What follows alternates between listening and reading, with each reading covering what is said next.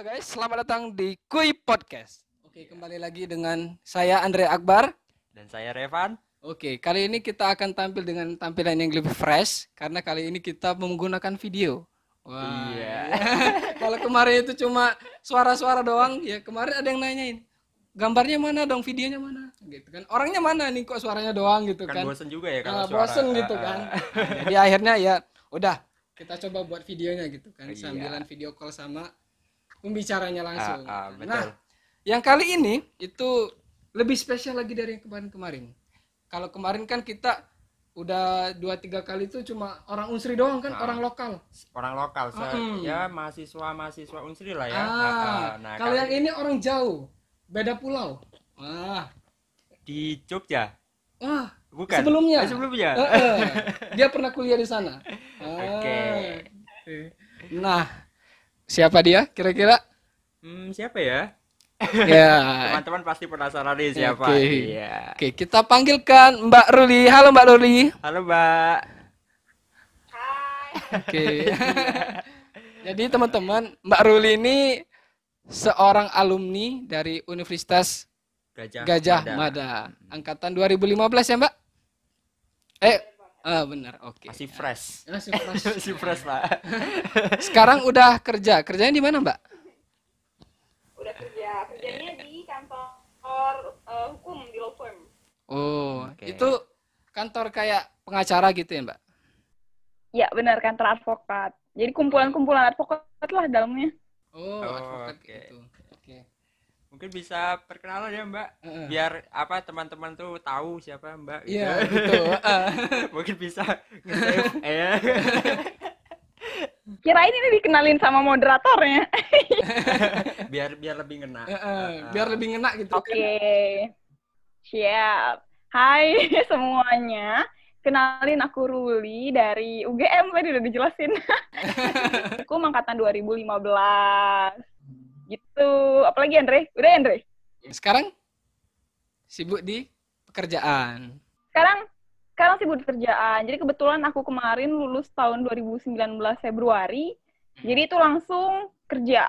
Terus eh, Desembernya langsung pindah dari Jakarta. Eh pindah dari Jak- Jakarta pindah dari Jogja. Ke Jakarta. Ke Jakarta.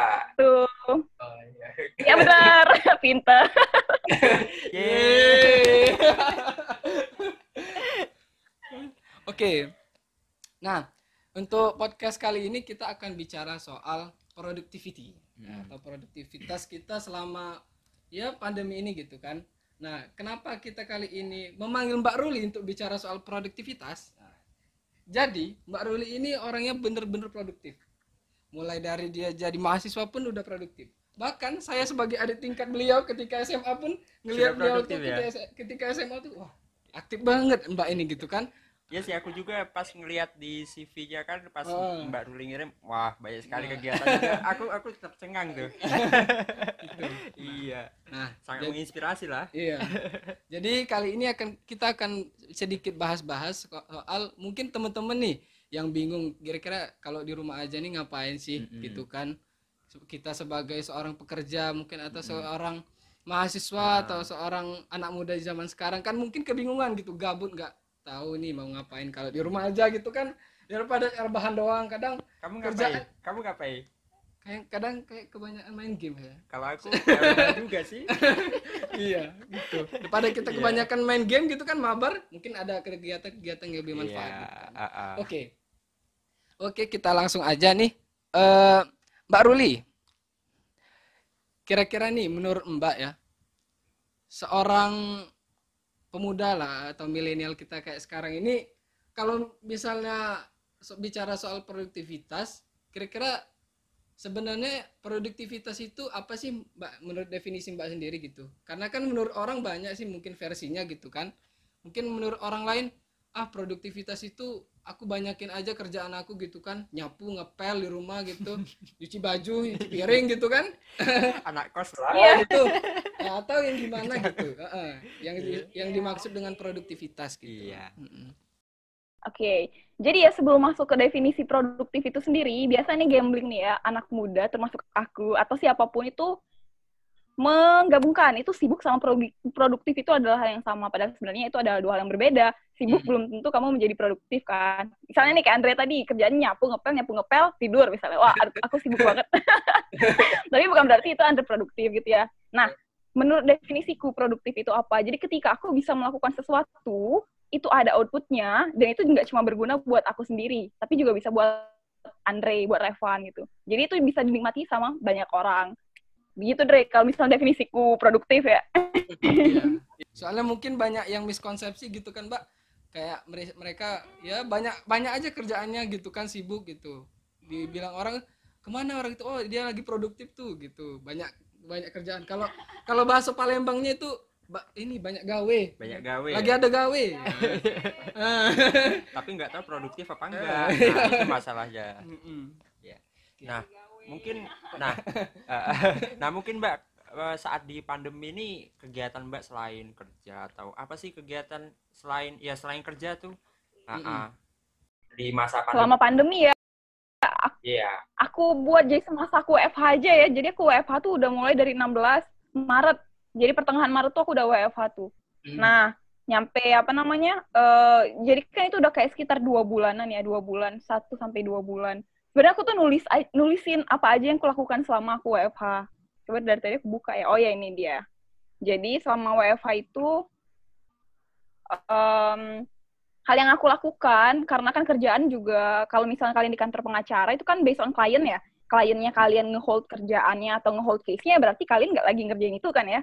Nah ada beberapa case di tempatku itu emang lagi di hold gitu jadi kayak ada lumayan banyak waktu untuk dilakukan untuk dipergunakan itu aku ngapain aja pertama aku ngebaca buku nih aku bener-bener ngematok buku tuh kayak satu hari 100, satu hari 100. Jadi kalau misalnya satu buku tuh 200 ya dua hari kelar gitu misalnya. Terus yang kedua itu aku juga ini apa eh aku gak ngerti ya kenapa aku tiba-tiba punya hobi baru gitu main ukulele. Jadi pas masa pandemi itu dateng, ya aku tuh bener-bener nggak apa ya, bukan orang yang suka main musik gitu lah, main, main kalau teman-teman suka main gitar segala macam tuh aku nggak ngerti sebenarnya. Tapi ketika pandemi dateng, wah terpikir nih kayaknya apa ya, aku bisa tetap mikir, terus tetap menggunakan otak, tapi juga menemukan hal yang baru. Kayaknya main alat musik seru nih. Terus akhirnya hari itu juga aku langsung beli ukulele tuh hari itu juga langsung kutuning, langsung cari-cari lagu, main tang main nada-nada yang dasar lah C, F gitu-gitu, pokoknya kayak asik banget. Dan ternyata selama pandemi ini kan agak lama ya, dan itu emang bisa jadi teman healing gitu loh. Jadi kayak kalau kata orang teman healing tuh bisa pelihara pelihara hewan, misalnya kayak kalian punya kucing atau kalian punya anjing itu kan happy kan ya. Juga sambil uh, main alat musik itu healing banget. Jadi ketika stres itu bisa jadi stress reliever gitu loh. Kayak itu bisa menghilangkan stres. Terus ngapain lagi Rul? Aku ngapain lagi ya? Ini nih aku juga ngemulai, ini aku juga random banget ya. Aku nggak pernah terbesit pikiran membuat YouTube channel ya. Aku juga kayak ya kapan juga aku mau ngebuat. Tapi karena kebanyakan waktu luang, akhirnya ya apa ya? Kemarin tuh aku juga ngebuatnya pas momentum gitu Drevan. Jadi pas anak-anak em, pada pengumuman SNMPTN terus kayak oh ya gimana kalau kita ngebuat tentang how to survive, gimana caranya biar kita eh, apa nih survive survive lah ya sebagai keadaan sekarang. mahasiswa terus ya udah aku buat iya eh, terus habis itu ya adalah ya beberapa video yang aku nggak ngerti itu ditonton apa enggak pokoknya buat aja. Itu pilot project. Hmm, itu pilot project banget tuh. Aku ngebuat videonya em, belajar ngedit-ngeditnya segala macam tuh kayak satu malaman besoknya langsung take besoknya lagi langsung upload. Jadi kayak wah gila ya kalau misalnya emang pengen banget tuh apa bener-bener gercep gitu loh bisanya. Jadi kayak kamu nggak wacana-wacana doang. Sambil selama ini juga aku em, eh, amazing. Jadi selama selama pandemi ini aku juga banyak mendapatkan konsultasi dan dari teman-temanku masalah hukum. Misalnya kayak tentang status karyawan kontraknya mereka tentang undang-undang ITE atau misalnya mereka nanyain tentang hukum waris. Jadi kayak aku merasa menjadi apa ya konsultan jarak jauh lah. Dan itu kayak happy banget rasanya. Itu eh, sama ngadain webinar-webinar lah Yot. Eh Yot Ngada- ngadain webinar-webinar dari Yot. Atau aku sama teman-temanku nih ya. Misalnya sama-sama em, ada di kantor law firm atau misal sama-sama di kantor advokat, terus kita ngebuat webinar bareng, gimana nih caranya teman-teman yang mau di kantor law firm juga bisa terfasilitasi. Kita bakal ngasih tahu nih tips and tricksnya, gimana survive dalam sana, terus eh, ya hal-hal yang berkaitan sama itu. Gitu, Revan. Wah. Produktif banget. Jadi banyak ya kegiatannya ya. Eh, banyak Dan- kegiatannya. Aku yang paling suka tuh yang bermain ukulele itu. Ah, iya. Mungkin bisa tampil sedikit nanti ya. Kapan-kapan, kapan-kapan nanti. Jadi jadi Iya. musik tuber Iya, terbaru. musik Wah. tuber terbaru. Iya. Oke. Nah, eh ini kan sangat sangat Mbak mungkin bisa apa namanya istilahnya mengatur waktunya selama pandemi ini gitu kan dengan kegiatan-kegiatan yang udah Mbak rencanakan gitu kan dengan keempat hal tadi. Nah, tapi kebanyakan orang sih gimana ya me- menghadapi atau memandang COVID-19 ini kan sebagai suatu hal selalu memandangnya sebagai dari sisi negatif gitu Mbak.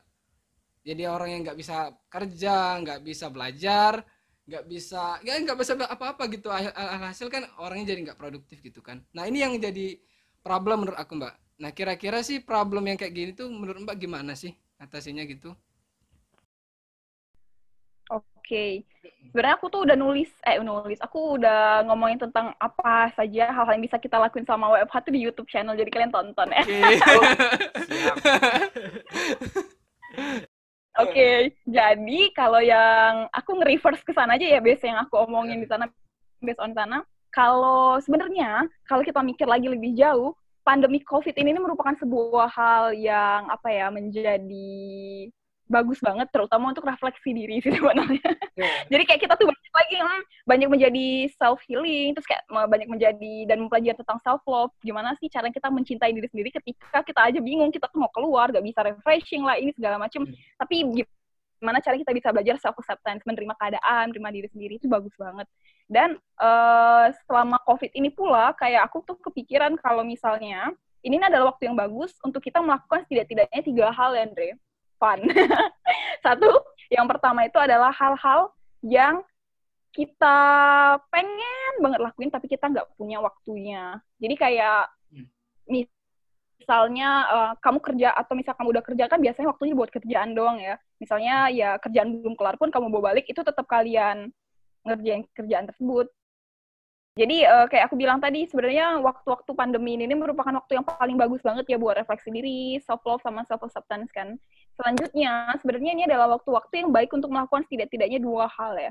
Yang pertama itu adalah melakukan hal-hal yang udah kita pikirin dari jauh-jauh hari, tapi kita nggak punya waktu untuk melakukannya. Ya, misal kalau kalian udah kerja nih, biasanya kan waktu tuh pakai dari pagi sampai malam tuh kerja doang. Kalian balik ke rumah pun itu kalian bakal sedikit ya membuka kerjaan kalian. Jadi kayak emang waktu tuh kepikiran juga ya banyak ngerjain kerjaan. Jadi nggak kepikiran nih ngerjain hal-hal yang di luar itu kayak ya mendingan kalian istirahat daripada ngerjain iya. hal-hal yang nggak berkaitan sama kerjaan. Terus yang kedua, eh, apa namanya? Ini merupakan waktu yang bagus banget buat kita semua juga untuk mengeksplor hal-hal yang baru. Jadi ketika kita apa namanya em, banyak waktu luang, jika kalian tuh tercetus eh, ide-ide baru atau misal kalian tercetus hal-hal nggak pernah kalian lakuin. Misalkan aku tadi main ukulele ya, kayak kapan sih aku kepikiran main ukulele gitu. Misal kalian kepikiran, aduh kayaknya mau berkebun deh. Padahal kalian ya misalnya nggak pernah kepikiran mau berkebun, kayak eh, apa ya hal-hal yang kalian lihat, oh ya kayaknya ini bisa menjadi hobi baru. Terus yang ketiga, sorry ya bukan dua dari tiga ya, adalah memaksimalkan apa yang udah kalian lakukan. Jadi misalnya nih ya, em, Andre nih suka nulis, Revan suka nge-YouTube misalnya. Ya udah nih, emang dari dulu udah ngenulis sama YouTube. Nah, semasa pandemi ini emang ketika lagi banyak banget waktu luang, maksimalin aja. YouTube-nya digencerin, tulisannya digencerin. Jadi ketika pandemi udah lewat, kalian tuh bisa ngelihat, oh iya ternyata ada hasilnya ya, aku ngapain aja. Ada tiga hal sebenarnya yang kita lakukan selama masa pandemi itu, Andre. Oke. Oke. Nah, terus uh, uh, dan terus uh, motivasi motivasi Mbak Ruli itu biar waktu luangnya itu terpakai itu apa sih? Kadang kan aku juga males kan. Ya, Uh, ya. uh, aku kan punya punya hobi juga nulis kan. Hmm. Tapi di masa pandemi ini kan kayak terlena gitu. Iya, jadi uh, uh, uh, Iya, kayak motivasinya apa Iya, sih gitu kan yang mendorong gitu. kita untuk melakukan hal tersebut terlena. gitu. Iya gitu. Ya, oke. Jadi aku nggak tahu ya, tapi kayak aku tuh merasa, waduh, kayaknya hidupku tuh terlalu singkat kalau aku nggak gunain buat uh, kepentingan banyak orang, paham nggak sih? Jadi kayak ketika aku menghabiskan waktuku tuh cuman buat leha-leha, tidur misalnya, aku tidur jam 3 pagi nih, terus bangun jam 12 siang, itu kan udah kayak setengah hari udah mau habis kan ya. Iya. sore udah malam lagi. Kayak waduh itu tuh sebenarnya stressful ya buat aku karena aku pertama nggak ngapa-ngapain, aku nggak melakukan hal-hal yang bisa bermanfaat either buat aku sendiri atau untuk orang lain. Buat orang lain aja nggak, buat aku misalnya. Terus yang kedua ya itu sebenarnya um, ketika kita tuh udah sering melakukan banyak hal dari di dalam satu hari bisa biasanya juga multitasking ya jadi kayak kalian tuh otaknya tuh ke, ke train atau ke latih buat melakukan banyak hal dalam waktu yang bersamaan. Nah, tiba-tiba kalian dipindahkan ke kondisi di mana kalian gak ngapa-ngapain, terus kayak tiba-tiba kayak, waduh, ya udahlah tidur aja seharian. Itu sebenarnya stressful banget ya, buat buat pikiran dan juga buat badan. Karena mereka juga perlu adaptasi nih, sebenarnya ada apa nih orang? Kenapa tiba-tiba dari yang biasanya sibuk, tiba-tiba menjadi layah-layah seharian. Nah, itu kestresan tubuh tuh biasanya kalian akan mengalami transisinya. Jadi tiba-tiba suka makan lebih banyak atau tiba-tiba suka rambutnya Benar, itu rontok aku ngalamin suka makan lebih banyak. udah udah udah udah nambah berapa, Andre? udah dikatain kemarin. udah dikatain. Berarti udah signifikan, Andre. Nah, itu tuh jadi kayak salah satu hal yang mendasari kenapa aku nggak mau tetap apa ya tetap mau melakukan banyak hal itu karena ya sesimpel aku nggak mau stres yang pertama yang kedua sesimpel karena aku butuh untuk menjadikan hidupku sendiri itu berguna bagi aku dan untuk orang di sekitarku gitu. Oke, okay. keep the impact. Ah. Iya, uh. yeah, bahasa Inggris ya. nah ini mungkin kita sharing is caring kan ya. Uh, mungkin yang dengar podcast ini juga lebih banyak mahasiswa kan, Mbak? Oh iya benar-benar. Uh, lebih banyak mahasiswa gitu kan yang masih kuliah gitu. Nah uh, untuk kuliah sendiri gini mbak, pas ketika mbak jadi mahasiswa dulu, hal apa saja sih yang membangun mbak untuk menjadi orang yang lebih produktif? Nah ini yang harus dikupas. Soalnya masa lalu mbak Ruli ini menarik waktu kuliah. Uh, benar loh. Andre, padahal judulnya lebih produktif selama masa pandemi ya Andre, tapi lebih tariknya di kuliah Andre. Oke. Okay. Hmm, apa yang mendasari aku melakukan banyak hal ketika aku kuliah gitu ya? Hmm, iya. Apa ya? Hmm, pertama ya, Andre, itu adalah merupakan sebuah habit sih. Ketika kamu tuh emang melakukan banyak hal, itu biasanya emang dari dulu kamu tuh me, apa ya, mensugestikan diri kamu atau menyibukkan diri kamu. Jadi ketika kamu udah dari SD, dari SMP, dari SMA tuh udah terbiasa untuk sibuk atau udah biasa untuk memanajemen waktu kamu sendiri. Ketika kuliah, kamu tuh nggak bisa nggak pasti mencari hal-hal yang sama gitu. Entah kamu ikut A, B, C, D, E, F, G demi untuk menjaga apa keberlangsungan hidup kamu tadi karena kamu udah terbentuk sedemikian rupa kayak kamu tuh udah tertempa gitu menjadi orang yang kayak begitu. Itu yang pertama ya. Yang kedua, sebenarnya um, balik lagi kayak yang ke aku bilang tadi sih, aku tuh pengen diriku tuh bermanfaat ya sesimpel apa pun. Misalnya aku punya punya apa ya ilmu dikit banget kayak begini. Nggak apa-apa itu bakal aku bagi ke orang lewat apa aja lewat tulisan atau misalnya aku uh, ngadain apa ya seminar atau misalnya aku jadi public speaker. Pokoknya itu tuh bisa berguna buat teman-teman yang lain gitu. Jadi sesimpel itu aja sih. Jadi ketika aku melakukan banyak hal itu um, pada dasarnya aku pengen ngeberi impact buat aku sendiri dan buat orang lain gitu.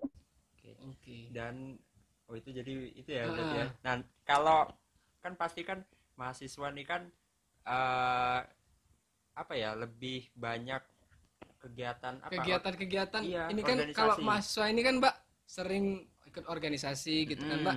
Pandangan mahasiswa tentang produktif itu kebanyakan di kampus ya pastinya ngarah ke organisasi. Kalau orang itu ikut organisasi wah orang itu produktif gitu. Pasti gitu kan? Ya eh, iya, iya. iya. Nah, terus kalau orang itu sering ikut event atau lomba oh anak itu produktif juga gitu kan mbak. Nah Mbak sendiri apa sih event yang paling menurut Mbak berkesan ketika jadi mahasiswa? Oke. Okay. Jadi um, balik lagi Andre uh, definisi produktif dan fun aku lupa terus definisi produktif itu tiap orang beda-beda kan ya. Jadi kayak nah ini nih sebenarnya yang menjadi apa ya?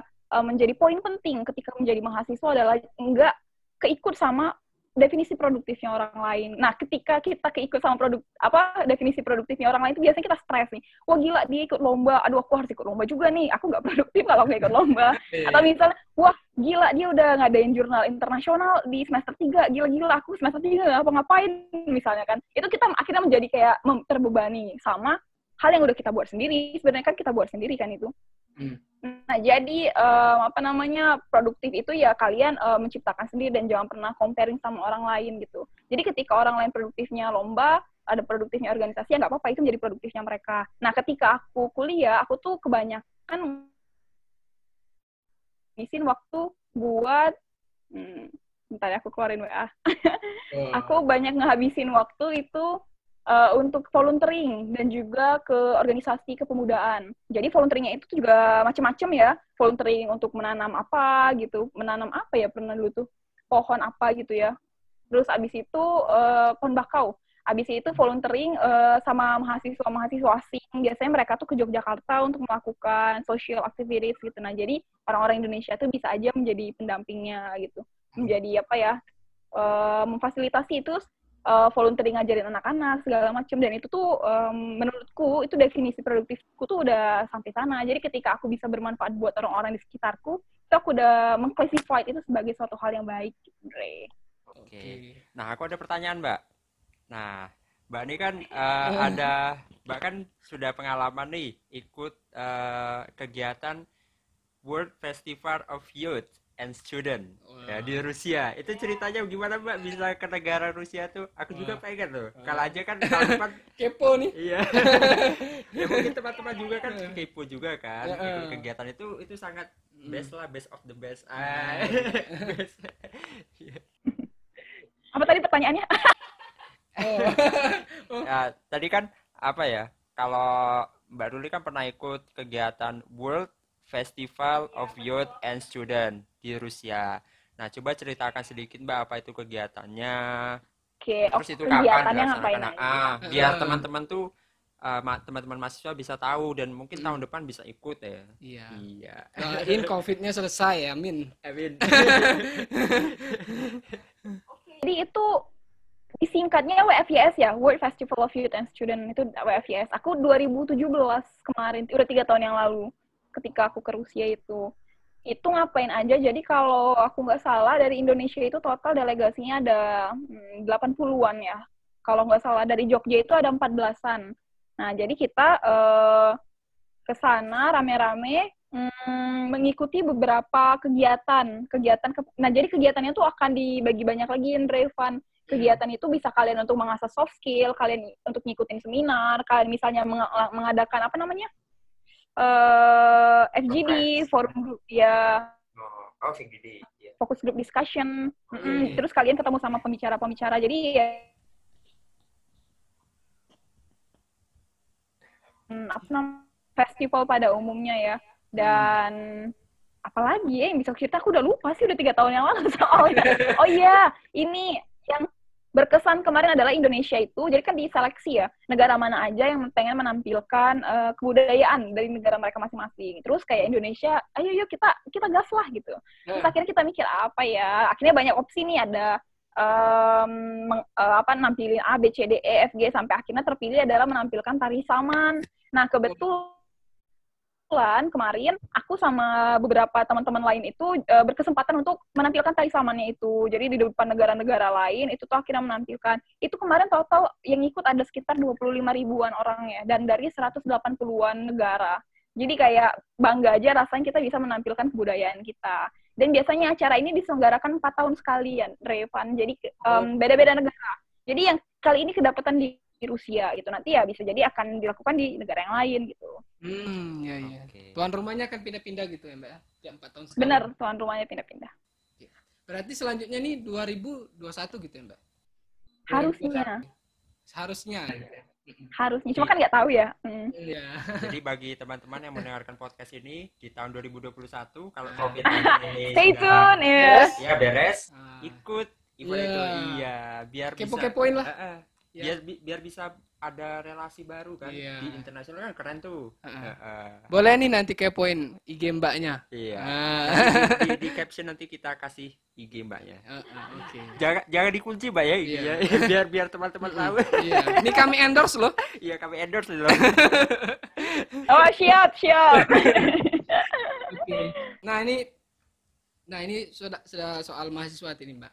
Nah, ini kan jenjang mahasiswa ini udah mungkin ya kalau misalnya udah menuju tahap akhir gitu kan mbak ya. Kayak kami misalnya nih yang ada udah skripsian nih nah pasti kepikirannya nanti ke arah kerja gitu ya mbak ya. Nggak lagi sih udah ada nggak ada lagi pikiran untuk ikut lomba untuk ikut event tuh udah berkurang lah ada kurang banget gitu kan. Pokoknya udah duit gitu pikirannya kalau mau udah mau lulus kan gimana cari Duit, duit gitu iya. kan untuk habis lulus gitu kan nah mbak sendiri gimana sih ada nggak sih kira-kira jalan untuk kita gitu sebagai mahasiswa yang akan menuju akhir gitu kan untuk bisa mencari sesuatu hal yang produktif sekaligus juga ya menjadi jalan kita untuk dapat dapetin kerja gitu mbak Oke, oke, oke, oke, oke. Oke, Pak.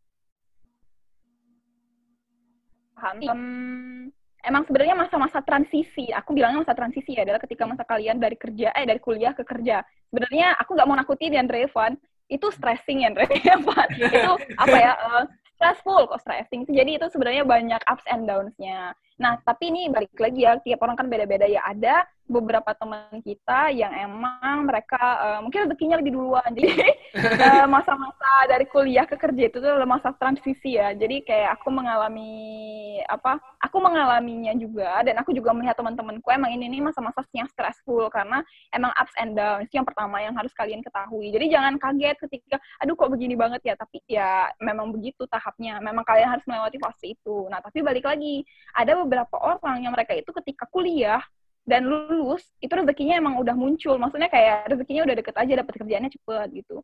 Tapi ada juga beberapa teman-teman yang emang harus dibolak-balik dikalikuin dulu kayak ah, kamu harus lewat A, lewat B, lewat C baru bisa mendapatkan kerjaan kamu. Itu membutuhkan waktu yang panjang misalnya. Atau si apa namanya teman-teman kita yang kepengen banget dapat kerjaan A tapi kayaknya rezekinya nggak di sana akhirnya dibelokin ke kerjaan yang B. Jadi kayak hidup itu sangat menjadi misteri ya ketika kita nggak tahu tapi kalau aku sangat ketika udah lulus kuliah tuh baru terbuka mata gitu loh oh ternyata gini ya dunia gitu.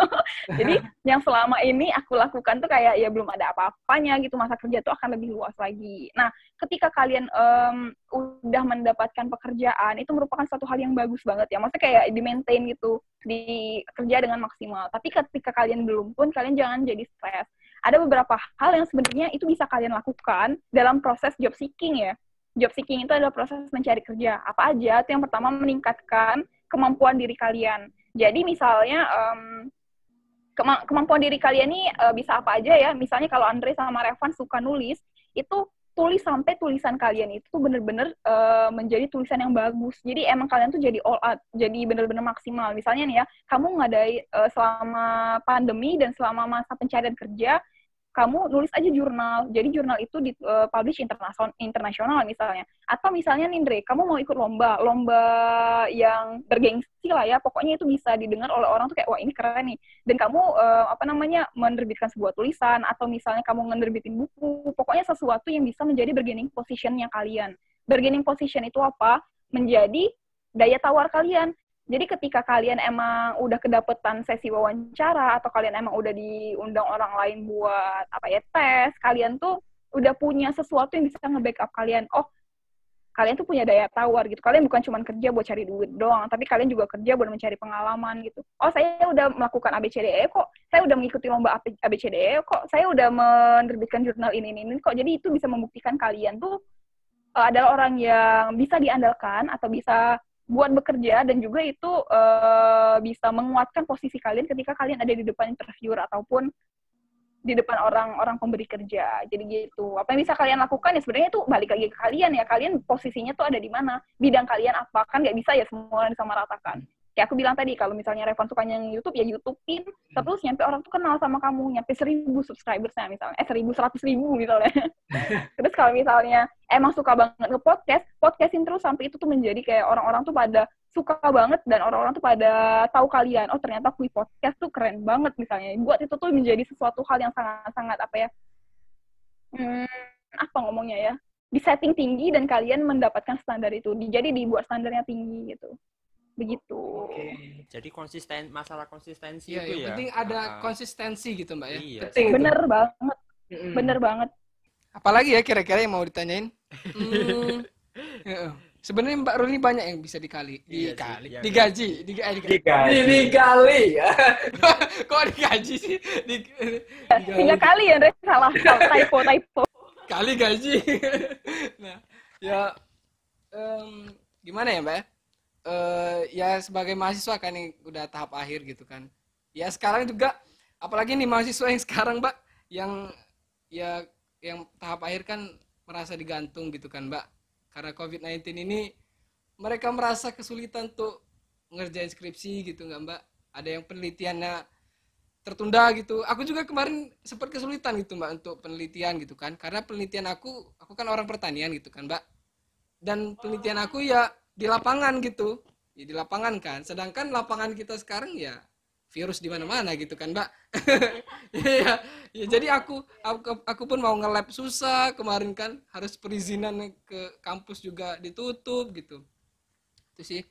Nah menurut mbak ada nggak sih eh, motivasi lah untuk para para calon wisudawan yang mungkin juga sekarang nih nggak nggak jadi di wisuda secara offline gitu kan ini banyak banget mbak yang curhat gitu kan. Ya gimana ya kayak merasa digantung gitu kan sekarang nih. Kayak merasa tahun 2020 nih angkatan yang sial banget gitu. Yang- nggak ada itunya gitu. Gimana gimana mbak? Ada nggak? Oke, Andre udah Andre kayak udah ini belum sih, Andre? Udah sama Revan udah pada ini ya, lulus. Masih sebentar proses. lagi. Masih doain ya mbak. Heeh. Oh, tahun tapi rencananya tahun ini. dong Tahun ini. ya tahun tahun ini dong Tahun ini. Sampai tahun depan. Iya. Oke, iya sih. Aku juga melihat beberapa temanku yang mereka terkendala ya. Misalnya emang mereka yang harus ke lapangan itu nggak pada bisa.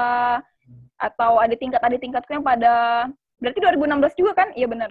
Ya, ini angkatan 2016 yang sekarang lagi. Yang mereka misalnya harus wawancara itu kan, mm, yang wawancara segala macam kan itu susah ya mau ke pengadilan segala macam kan itu repot mau keluarnya segala macam. Jadi ya nggak apa-apa anggap aja ya kalian sekarang tuh lagi diuji kesabarannya gitu loh. Dan orang-orang yang sabar tuh insya Allah akan dapatkan buah yang manis ya.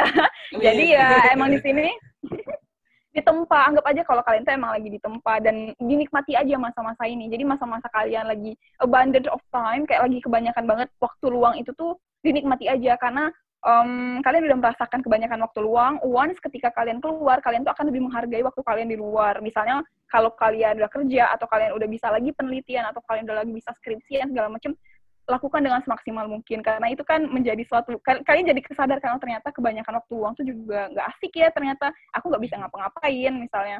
Atau menjadi apa ya menjadi manusia yang lebih bijaksana sih sebenarnya dengan apa yang terjadi. Jadi kalau misalnya motivasi motivasi ya apa ya Andre?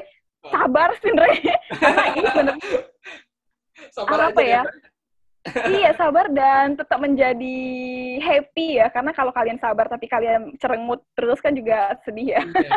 maksudnya kalian menerima. Makanya tuh aku bilangin kalau misalnya ini adalah masa yang bagus buat belajar self love dan self acceptance aku tuh baca buku yang Drake kemarin Van tentang em, jadi buku ini penulisnya Haemin Sunim dari Korea dan bukunya itu Eh, ini baru pulang dari Korea mbak kemarin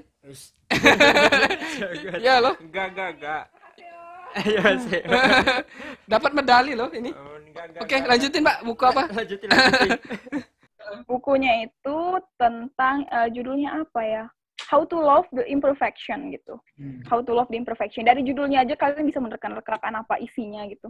Emang semua hal di dunia ini nggak ada yang perfect, nggak ada yang sepengennya kita harus jadi gitu, Drevan. Ketika kita ngeplan A, B, C, D, E, itu nggak semuanya harus keturutan gitu. Dan kita memang sebagai manusia harus ngadain plan yang lain, Ma- namanya backup plan kan, biar kita nggak menjadi depres ketika plan yang satu tuh nggak berjalan.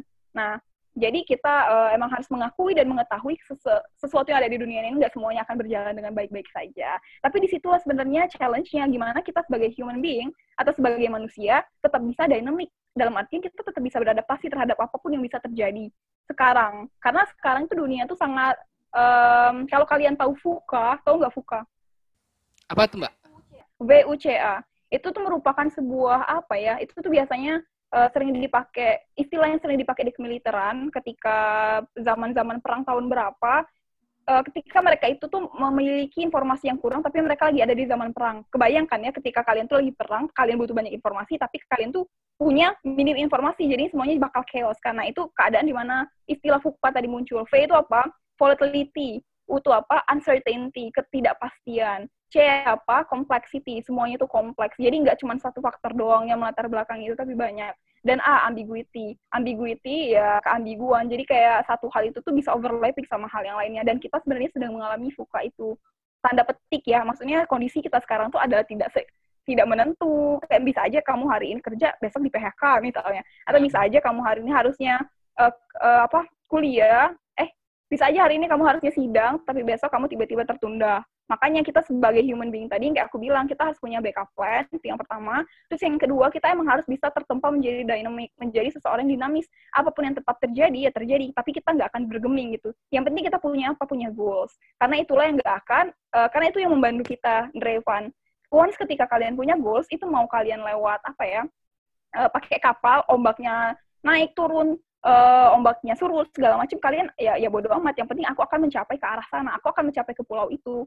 Nggak nggak mau tahu. Nah tapi itu selama proses mencapai ke pulau itu yang kalian perlu pahami kalian perlu pelajari yaitu tadi ngebuat plan mencintai diri sendiri memahami kondisi sekarang lagi lagi kayak ngapain jadi kreatif. Sekarang kan banyak banget kan orang ya yang jualan tiba-tiba jadi online semua ya. Emang harus online semua. Iya banyak banget yang menjadi entrepreneur paham nggak sih? Jadi kayak aku tuh melihat teman-temanku tuh tiba-tiba jualan aja semuanya. Jadi itu tuh mereka akan tetap bisa menghasilkan uang gitu. Jadi kreatif juga. Gitu. aku nggak punya motivasi apa-apa ya tapi kayak aku pengen mengajak kalian tuh untuk tetap apa ya tetap menjadi positif terhadap apa pun yang terjadi. Nah itu buku tadi buku yang aku bilangin tadi itu bisa banget untuk dibaca.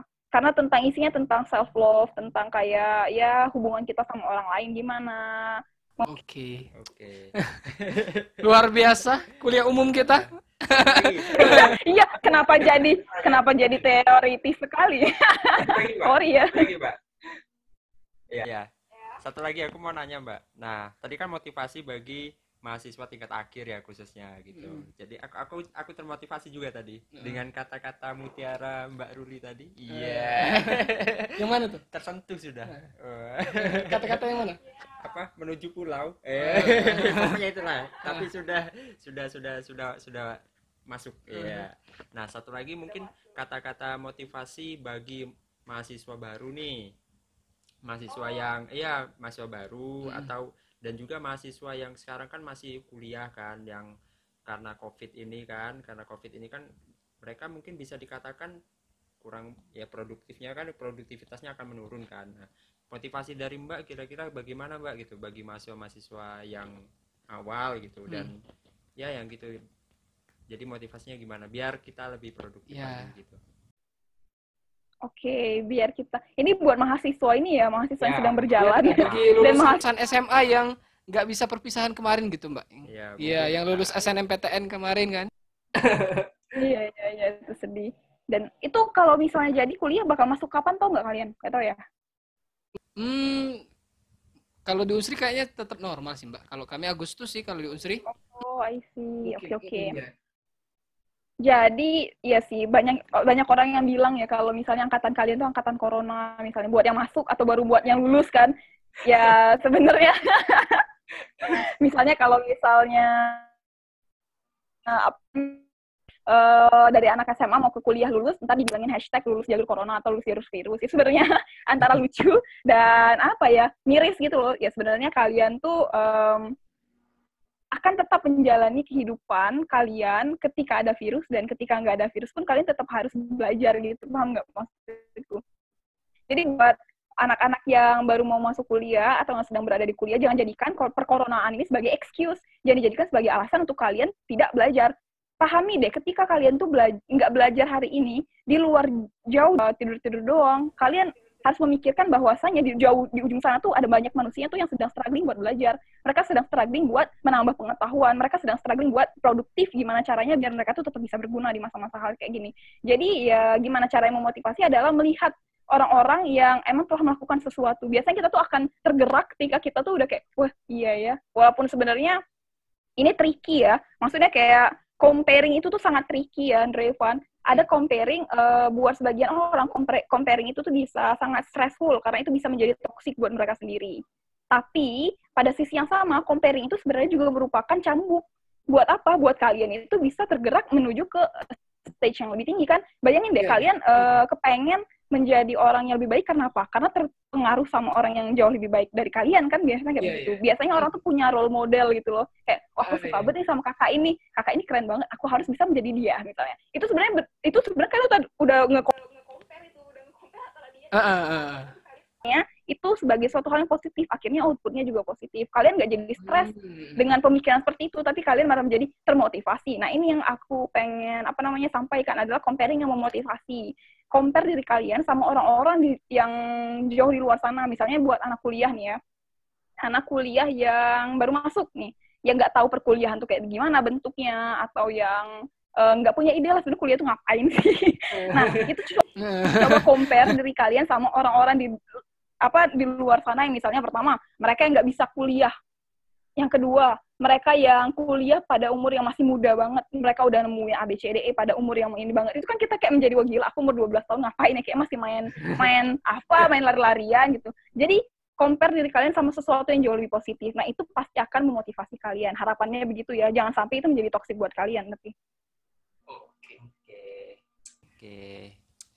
Oke, nah setelah kita berpanjang lebar gitu Mbak ya, udah tadi awalnya dari bicara tentang Dari kegiatan. ah. kegiatan Mbak gitu kan selama WFH, selama WFH gitu kan, selama COVID-19 dan sampai ke motivasi nih, nah, kok motivasi ke mahasiswa.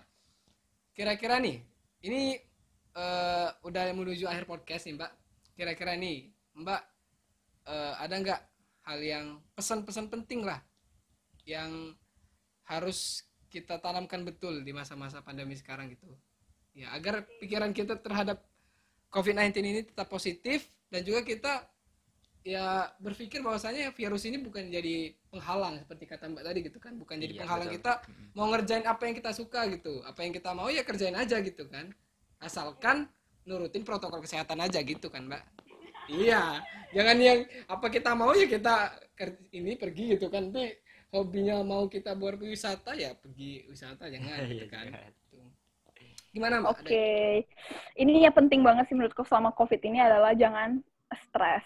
Untuk siapa pun ini, buat anak siapa anak baru mau masuk kuliah, maba lah ya, maba yang sedang berkuliah, yang akan menyelesaikan perkuliahan kayak kalian berdua, atau yang sedang udah lulus tapi bingung mau cari kerja gimana, atau orang-orang yang sedang di PHK, atau orang-orang yang nggak bisa keluar dari rumah, atau orang-orang yang udah pusing banget nggak bisa ke mana-mana, jangan stres ini merupakan suatu tantangan buat kita mengenal diri kita sendiri dan mengenali kondisi lingkungan lainnya. Pertama, jangan stres. Kedua, jangan egois sih. Karena manusia itu ketika stres, terkadang kayak nggak mikirin orang lain. Mereka pergi aja misalnya ke mana-mana, padahal orang eh, kebanyakan di eh, tetangganya misalnya pada di rumah untuk menjaga social distancing segala macam. Jadi ya jangan stres dan juga jangan eh, egois. Karena ya semua itu udah tertulis sih pada dasarnya. Aku selalu berprinsip demikian ya. Kayak apa yang kita lakukan sekarang dan apa yang terjadi di masa sekarang tuh sebenarnya udah ada skenario nya dan jadi ya ini sebenarnya merupakan challenge manusia ya gimana caranya kita bisa melewati skenario ini dengan baik. Jadi ini sebagai ujian juga gimana kalian ketika ada pandemi kalian bisa tetap nggak menjadi manusia yang baik-baik atau enggak gitu. Jadi buktikan kalau ketika kalian ada pandemi nggak ada pandemi pun kalian akan tetap menjadi manusia yang berkualitas gitu. Jadi nggak usah pesimis. Ketika kalian nggak usah ah, nggak nggak bisa penelitian nggak dapat kerja kena PHK pokoknya tetap aja uh, keep on going tetap berbuat baik karena kebaikan sekecil Zara pun ya kalau di Al-Quran itu pasti akan kembali dengan kebaikan juga. Nggak usah takut kalian nggak bisa wisuda nggak usah takut kalian nggak bisa dapat kerjaan semua itu tuh udah diatur. Tugas kita hanyalah yang menjadi orang baik tadi dan menyebar kebaikan. Makanya aku bilang tadi jangan egois ketika udah stres gitu jadi em, itu sih kalau misalnya kalian emang udah banget eh, kayak udah bingung banget mau ngapain ya kerjain aja apa yang kalian pengen kerjain. As long as selama itu nggak merugikan orang lain. Jadi kalau misalnya kalian main ukulele tapi ternyata itu mer- merugikan orang lain ya pikir-pikir lagi. misalnya main ukulele jam 2 pagi misalnya ya. Atau misalnya kalian pengen banget refreshing, kalian mau camping nih, apakah itu merugikan orang kalian as long as nggak merugikan orang lain. Itu aja sih Evan. Oke. Iya, oke. Mungkin banyak sekali ya iya. cerita-cerita yang Dari tadi cerita-cerita kita udah sangat motivasi banget, udah sangat inspirational banget lah Pokoknya terima kasih Mbak Ruli sudah Iya. menemani kami di Kui Podcast. Iya, terima Semoga kasih Mbak. bermanfaat. Semoga Ya. ilmunya bermanfaat dan teman-teman yang nonton, yang dengerin podcast jangan lupa follow IG-nya Mbak Ruli ya. Iya, Nanti, di kami nanti di caption di deskripsi kami cantumin kok. Iya. Ya. Ya, makasih banyak Revan, Andre udah diundang ke sini ya. Iya, Iya. oke. Oke, Kami Kak. baru ngerintis loh Mbak ini. Wah, keren. Sukses ya, semoga long term dan banyak pendengarnya. Amin. Amin. Nah, oke. Oke guys, terima kasih sudah menonton eh sudah mendengarkan podcast kami. Sampai jumpa di, Di Kui podcast di Kui selanjutnya. podcast Selanjutnya. Bye bye. Bye.